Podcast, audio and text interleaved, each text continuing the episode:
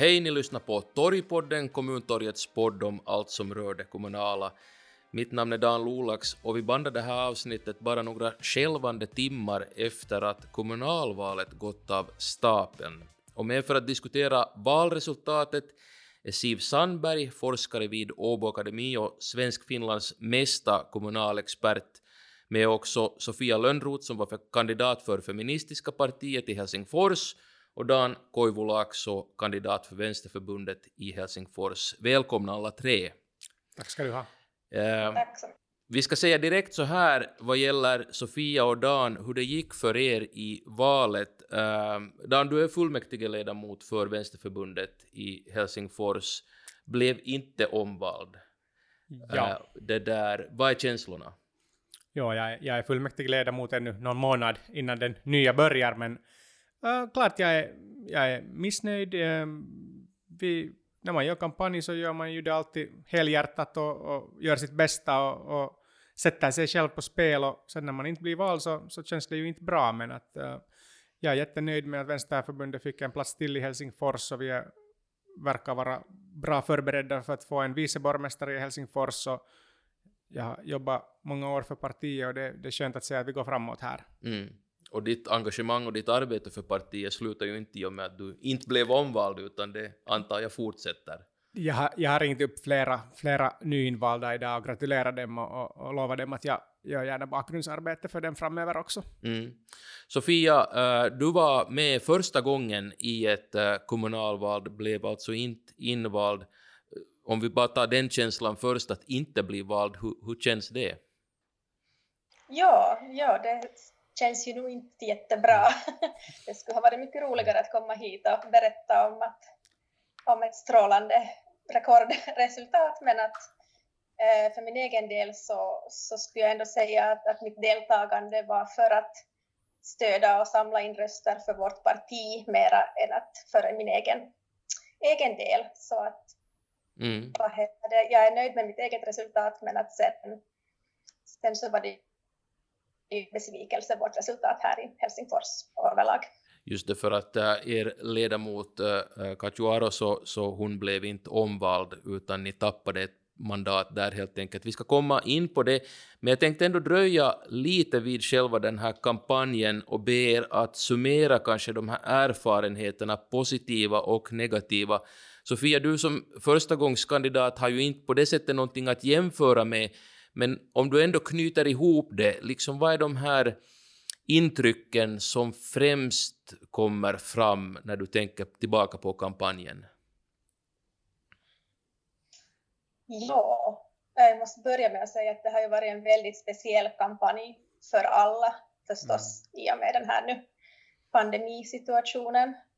Att det har ju varit en väldigt stor utmaning att inte kunna träffas fysiskt kandidater och vad heter det, där stödet i partiet och, och kampanjteamet utan att allt har varit virtuellt. Och, och sen vad heter det, sen så har det ju nog tyvärr varit, varit väldigt mycket trakasserier och, och våra planscher som har blivit förstörda och trakasserier på sociala medier mot våra kandidater. Och, så det har nog, nog vad heter det, överraskat nog att, att hur, hur hårt klimatet har, varit. Mm.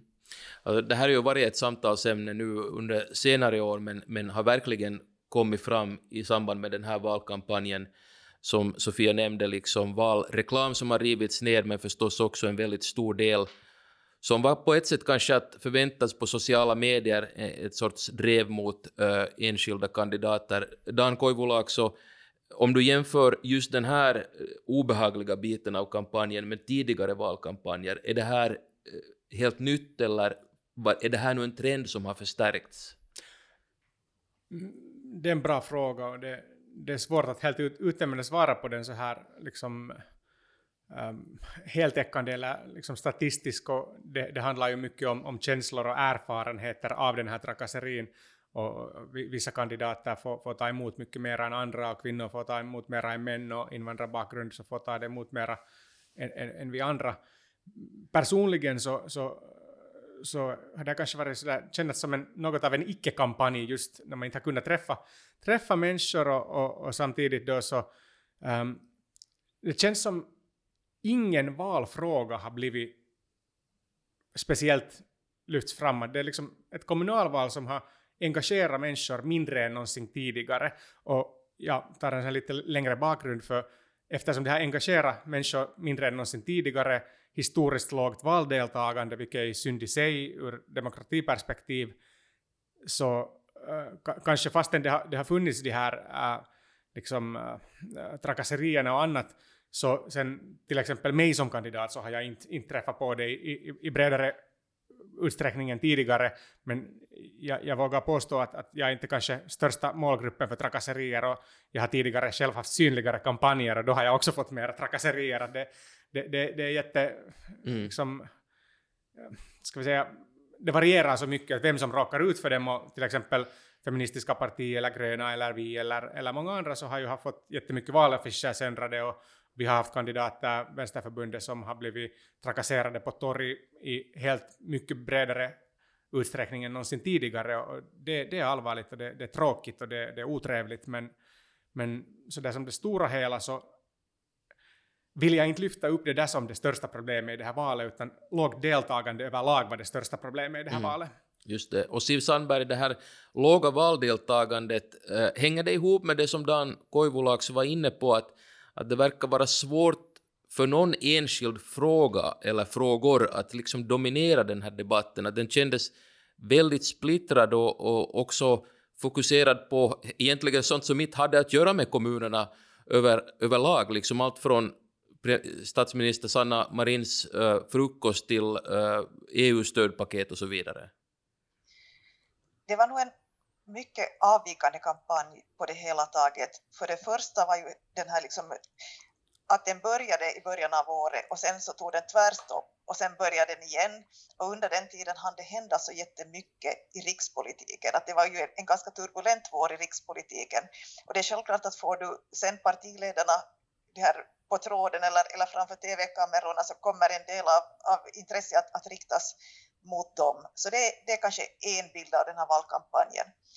Sen det faktum att man nu först under de allra senaste veckorna har kunnat föra kampanjer utomhus och, och det här och på något sätt föra en vanlig valkampanj så har ju också påverkat hela den här kampanjen.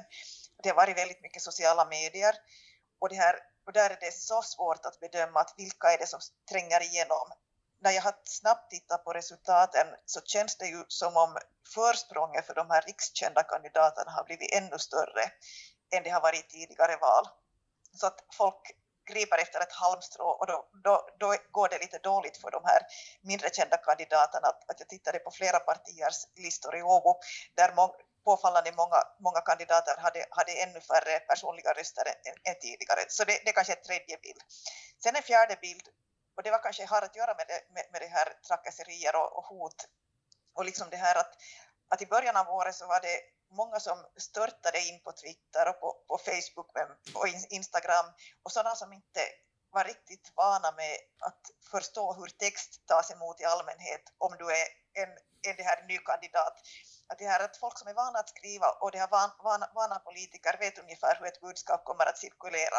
Men många ovana kandidater och kanske framförallt från Sannfinländarna så alltså fick sig kanske någon, någon näsbränna när, när de började uppträda som kandidater och de skrev någonting li, lite sådär oövertänkt och, och det här hur snabbt det där flyger och hur brett det flyger. Och det här, det tyckte jag blev lite lugnare sen i slutet av valkampanjen men, men just där i januari, februari var det här ett ganska det här starkt fenomen enligt min bedömning.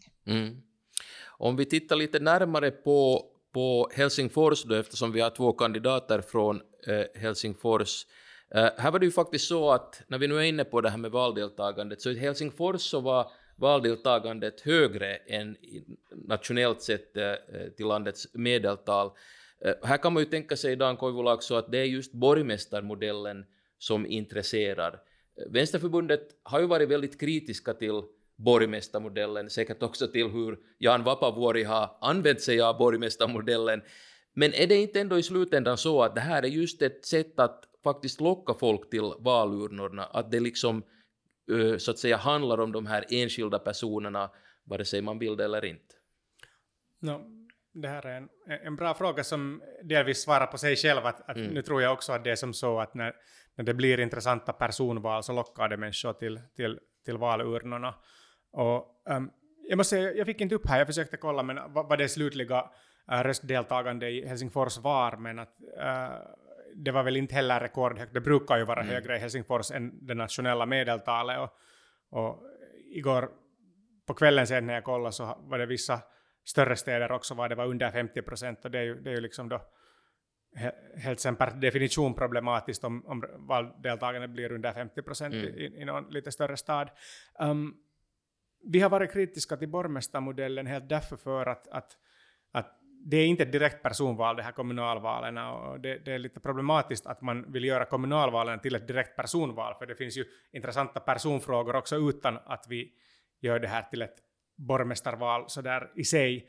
Och, och, det är de här sakfrågorna och det, det, det är de här majoriteterna i, i fullmäktige ändå sen som avgör hurdan politik vi gör i Helsingfors. Och, och det är det som jag är mest, mest ledsen över i de här valen då, om vi kollar från Helsingfors perspektiv, det är att, att fast vi gick framåt så, så, så gick högern också framåt och det, det var inte, inte så jätte, jätte, jättebra för liksom, tanken framöver. Um, ännu kort om, om du hänvisar till Vapaavuori och, och, och, varför vi har varit kritiska, så det är kanske just det att han har försökt göra borgmästarrollen så stark att den i sig är lite problematisk ur demokratiperspektiv. Och som ordförande för revisionsnämnden så kan jag säga att när vi, vi gjorde en sån här granskning av mm. det här ledarskapssystemet i Helsingfors så, så konstaterar vi att det finns lite oklarheter i den här ledarskapsmodellen som, som inte gynnar demokrati helt enkelt. Och, och, och då då så, så hoppas vi att, att det blir en större del av den offentliga debatten och att, att det är faktiskt fullmäktige som väljer, väljer de här borgmästarna och bor, borgmästarna agerar på basis av förtroende från fullmäktige och det är därför uh, hur fullmäktige ser ut i helhet som, som definierar hurdan politik vi gör i, i Helsingfors eller i, i de städer och kommuner var vi har sådana här borgmästarmodeller. Mm. Om jag får ännu dröja en stund med dig Dan, alltså då blir det ju sannolikt så att det är Johanna Vartiainen som blir ny borgmästare i Helsingfors. Eh, och du sa att revisionsnämnden hade tittat på den här modellen, just hur den fungerar. Men vad är, liksom, vad är budskapet till Vartiainen då? Att är det så att, att det är så att säga de enskilda personerna som på något sätt kan forma den här modellen, alltså besluta själva hur de använder sig av den. Och borde det i så fall finnas rigidare regler för hur borgmästaren kan och inte kan agera? Absolut, och det var när revisionsnämnden gjorde sin, sin äh, granskning, det var faktiskt i fjol då det liksom äh, 2019-rapporten var vi, vi granskade det här och då konstaterade vi att det, det bör klargöras äh, de här mandaterna mellan äh, liksom, de heter toimialajohtaja på finska, kanske vi kallar dem kanslichef på svenska, men inom de här olika mm. sektionerna. Och sen också den här eh, centrala kanslichefens, hans roll i förhållande till borgmästarna. Det, det är lite oklart för tillfället, för de använder eh, starkt politiskt ledarskap och har en stark politisk roll, men sen formellt så är det ändå som så att de inte har uh, beslutsmakt i, i, vissa sådana frågor som offentligheten tror att de har i och som de har en kraftig offentlig roll i. Och, och det här ska förtydligas. Det har varit precis det meddelande som vi har uh, förmedlat från revisionsnämnden. Mm. Uh, Siv Sandberg, om vi tittar på Helsingfors då, uh, alltså Samlingspartiet backar och de gröna backar också, men Samlingspartiet håller den här så att säga ställningarna ändå nu och, och håller makten. Sannfinländarna går framåt, Vänsterförbundet går framåt, Socialdemokraterna går framåt. Ehm, Helsingfors roll, betydelse för den nationella politiken kan ju liksom inte förminskas, eller ska vi säga man ska inte förminska den för det finns en, en viktig roll för huvudstaden att spela. Den har varit något turbulent kan man väl säga under de här fyra senaste åren. Ehm, vilka förutsättningar finns det för att det blir på något sätt lugnare nu? Eller är det tvärtom så att, att nu står vi inför något väldigt okänt, givet till exempel Sannfinländarnas framgång i huvudstaden? Det är jättesvårt att säga det här att Jan Vapavuori har ju på det sättet det här gjort en på ett sätt den lokala demokratin en tjänst för att han har, det här, han har varit en banerförare för den lokala självstyrelsen, för städernas starka roll och har på många punkter utmanat den nationella makten. Att, att vi har ju formellt en stark självstyrelse i Finland, men det är sällan någon utmanar den nationella makten på samma sätt som, som Jan Vapaavuori har gjort.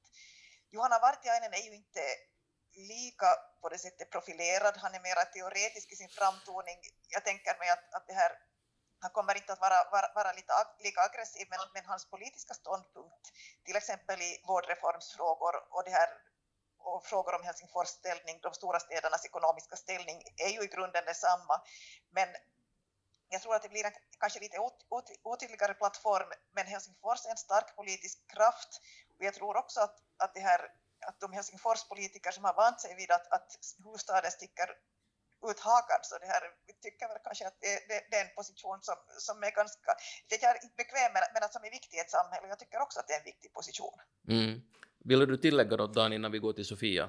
Jo, jo kort sagt bara, jag, jag håller mycket med vad, vad, vad Siv sa, det här, äh, det är just så där, samtidigt så uh, Vapaavuori som person har varit utpräglat aktiv och, och också har en sån bakgrund som har gjort det möjligt för honom och han han var någon sorts uh, samlingspartiets också liksom opposition mot regeringspolitiken när de har varit ganska tandlösa i riksdagen som opposition. Så att han har kört den rollen också. Och jag vågar påstå redan nu att ifall Johanna Vartiainen blir vald till borgmästare så han kommer inte att vara lika skicklig som Vapaavuori. Att det är nog också, också någonting som tycker vi kan nästan rakt säga ut att Vapaavuori har varit ytterst skicklig på det han gjort. Sen om man har tyckt om hans politik eller inte så är en annan fråga, men, men han har varit jätteskicklig på det han har gjort och han har hållit fram Helsingfors sak nationellt och, och det tycker jag också som Helsingforspolitiker att det är viktigt att görs. Mm.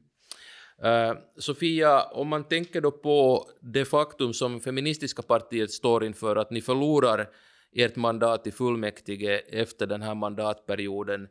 Ehm, ni har ju ändå förhoppningar om att, Helsing att i Helsingfors ska föras en politik som det feministiska partiet kan skriva, un skriva under. Så vem sätter ni era förhoppningar på att de kärnfrågor som ni har fört fram under kampanjen också ska förverkligas i Helsingfors? Ja, no, nu, är det ju, nu har vi ju märkt att, att i Vänsterförbundet just så finns många vid det här valet, många, många som, som har, har gått till val med, feministisk, med feministiska frågor, som just många unga kvinnor och, och nu är det ju de som ligger närmast.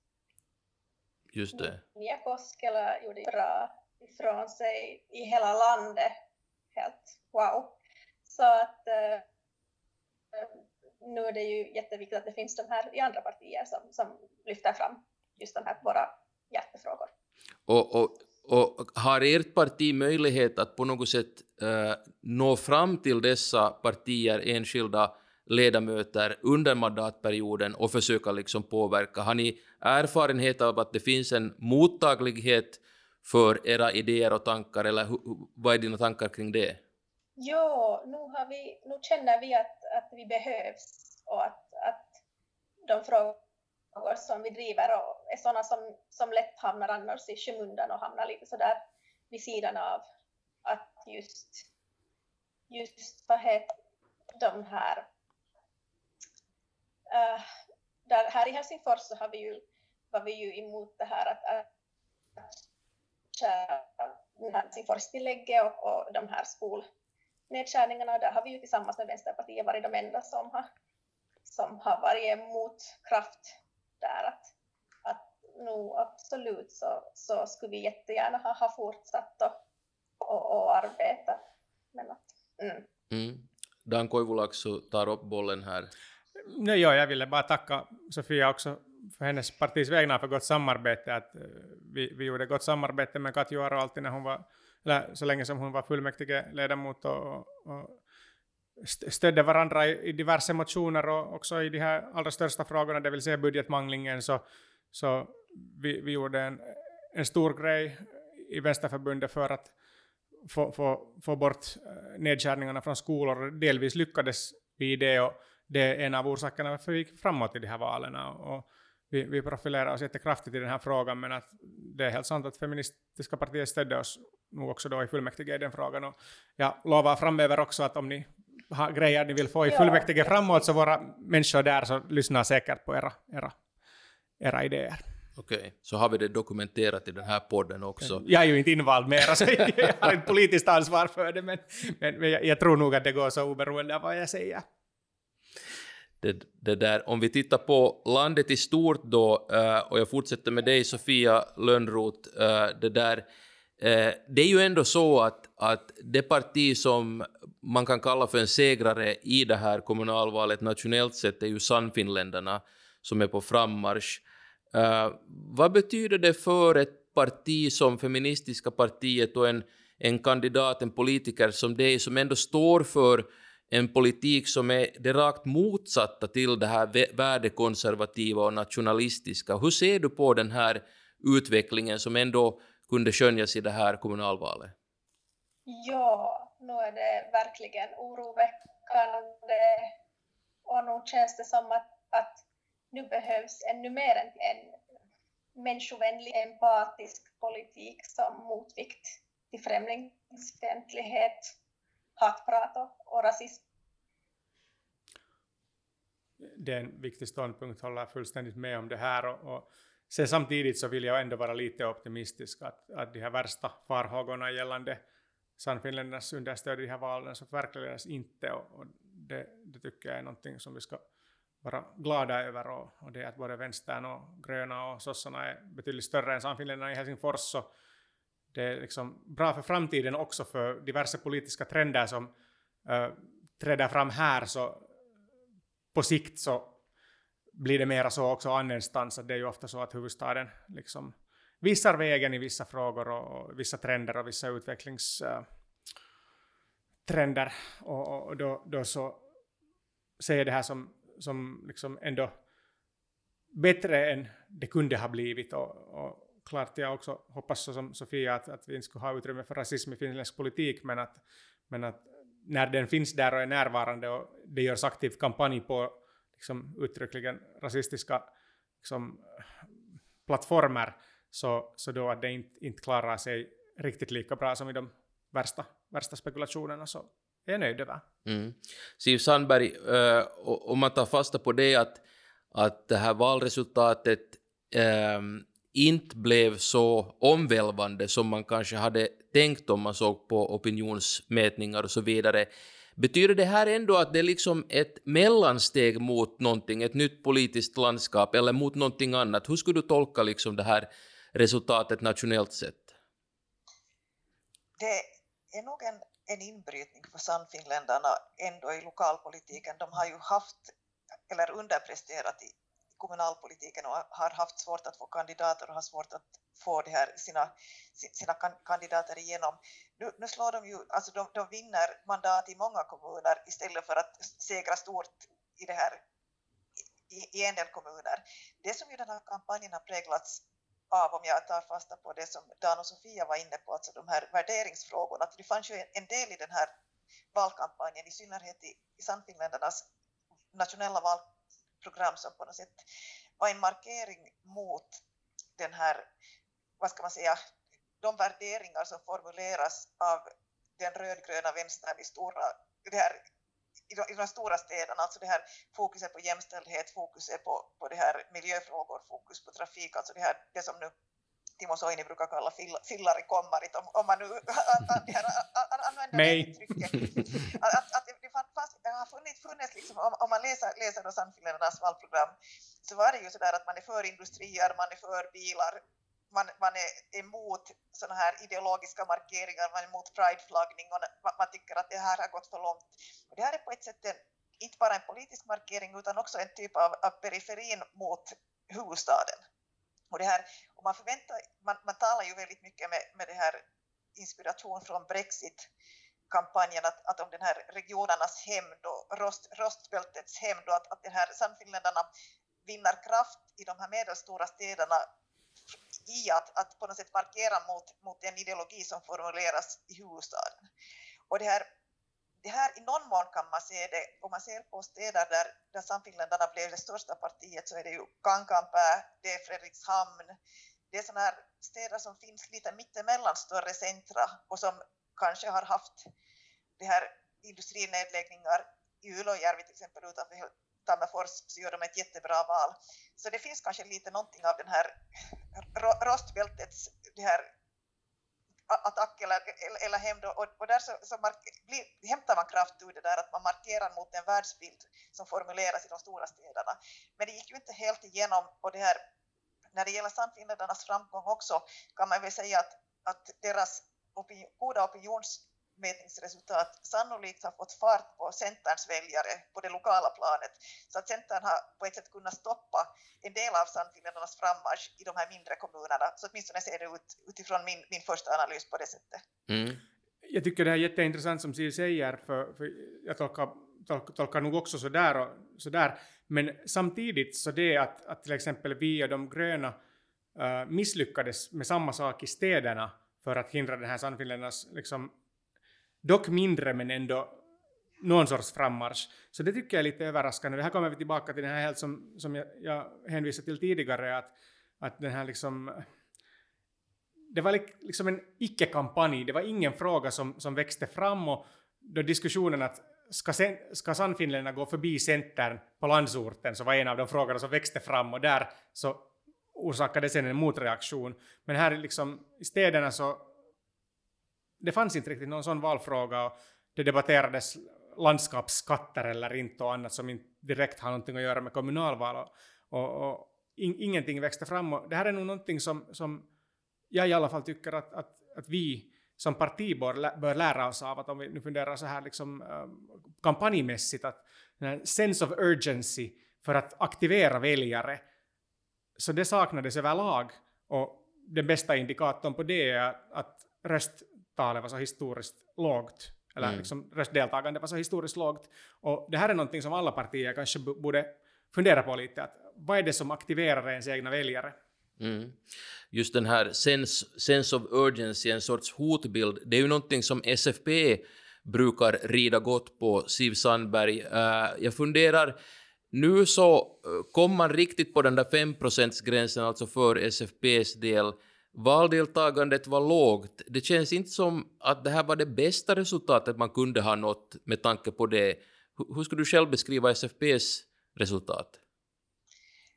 det är ju lite både och, alltså det här, om man tittar i, i mängden mandat, alltså det var ju typ förändringen, någonting stil med åtta mandat i hela landet, så det är ju en, en, en mycket, mycket stabil, stabil det här ställning och, och det här, det som SFP nog gjorde ganska bra, även om man kanske drog nytta av det, det låga valdeltagandet, är ju att man bevarar positionerna i Helsingfors.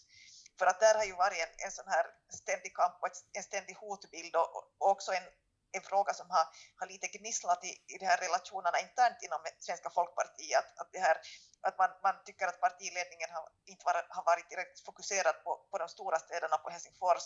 Och nu lyckades man bevara sina, sina fem mandat, var nära att knipa det sjätte med hjälp av öppna partiet, men, men, men, men att ändå i var, varje fall så, så där klarade man sig. Men sen så går det lite från och till att på samma sätt som Centern som är mycket starkt på vissa orter så tappar man något mandat ibland och vinner det tillbaka, tillbaka ibland. Att, att där Svenska folkpartiet gick tillbaka så var ju östra Nyland, där, där man tappade både, både i Sibbo, i Borgo och i Lovisa, vilket är då en, delvis en följd av, av befolkningsförändringen, dels en följd av, av det här andra politiska krafter, till exempel Lovisa handlade det ju om att en röstmagnet bytte, bytte parti och, och det ändrade ändrade på den här kartan. Medan man då i Västnyland bevarar sin starka ställning och, och det här, det kan man ju tycka att det här att det, det, kan också vara lite märkligt att, att hur lyckas man så, så bra det här i, i de orterna. Och där, där var ju också valdeltagandet i, i Raseborg och Hangö mycket lågt. Mm. De här faktorerna och andra påverkar och de här analyserna kommer att fortsätta under veckan och, och längre fram. Uh, jag vill avrunda på det här sättet. Uh, Sofia Lönnroth och Dan Koivulaakso, det gick inte vägen den här gången, men vad säger ni om framtiden, Sofia? Gav det här ändå en sån erfarenhet att du känner att du vill fortsätta med politiken och ställa upp i nya val, eller hur tänker du? Ja, absolut. Så, så redan det att, eh, att 72 personer valde att lägga sin enda röst på just mig och på, lita på att, att jag kan, kan föra deras röst och, och jobba för dem, så det ger ett jättestort liksom, förtroende och, och, och, en kraft inför framtiden att, att vårt parti finns kvar, fast vi tyvärr inte finns med i, nu i fullmäktige, men att vi fortsätter vårt arbete för, för våra viktiga frågor. Dan Koivulax, vad säger du själv om din egen politiska framtid? Först vill jag säga att Sofia, att alla kandidater som vågar ställa upp i kommunalvalet är jätteviktiga och liksom uppskattar stort alla som kandiderar.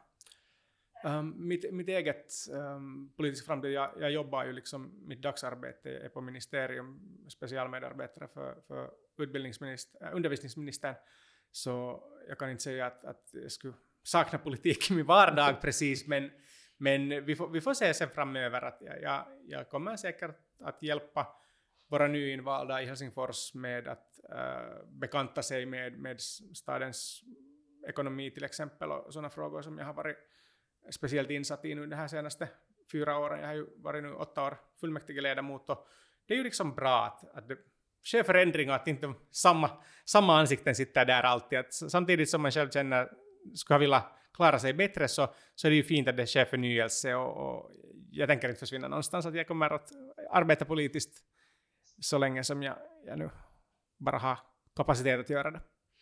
Siv Sandberg, jag tänker inte fråga om du tänker fortsätta stå på den politiska sidlinjen och kommentera, för det vet jag att du tänker, men jag ställer en annan fråga som har att göra med valet ännu. Det förutspåddes ju till och med att resultatet i kommunalvalet skulle ha konsekvenser för den nationella politiken.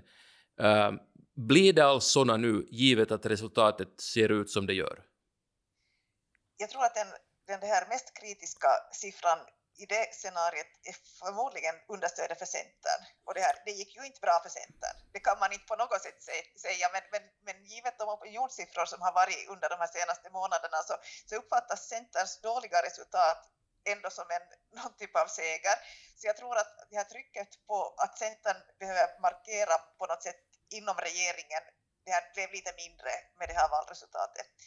Däremot kommer det nog att ge Petteri Orpo förnyat förtro, liksom på något sätt själv, självförtroende som oppositionsledare att Samlingspartiet klarade sig bra i det här valet. Men jag tror att det, det kanske är lite lugnare i rikspolitiken än, än man skulle kunna, kunna föreställa sig. Jag håller med om det här och, och det är ju kanske tvärtom då som så att det är kanske vi som behöver markera då i regeringspolitiken lite mer här framöver att Centern klarar sig mycket bättre än, än väntat och, då kanske när vi går in för höstens budgetmanglingar och annat så är det dags för ambitiös klimatpolitik och sysselsättningsåtgärder som fokuserar i första hand på utbildning och, och, och stöd för arbetssökande än för nedskärningar, vilket har varit den andra förslagna biten. Mm. Brist på intressanta frågor nationellt som kommunalt så finns det inte. Siv Sandberg, forskare vid Åbo Akademi, Sofia Lönnroth, kandidat för feministiska partiet och Dan Koivulax för Vänsterförbundet. Tusen tack för att ni medverkar i Torgpodden. Tack ska du ha, det här var trevligt. Tack så mycket. Tack så mycket för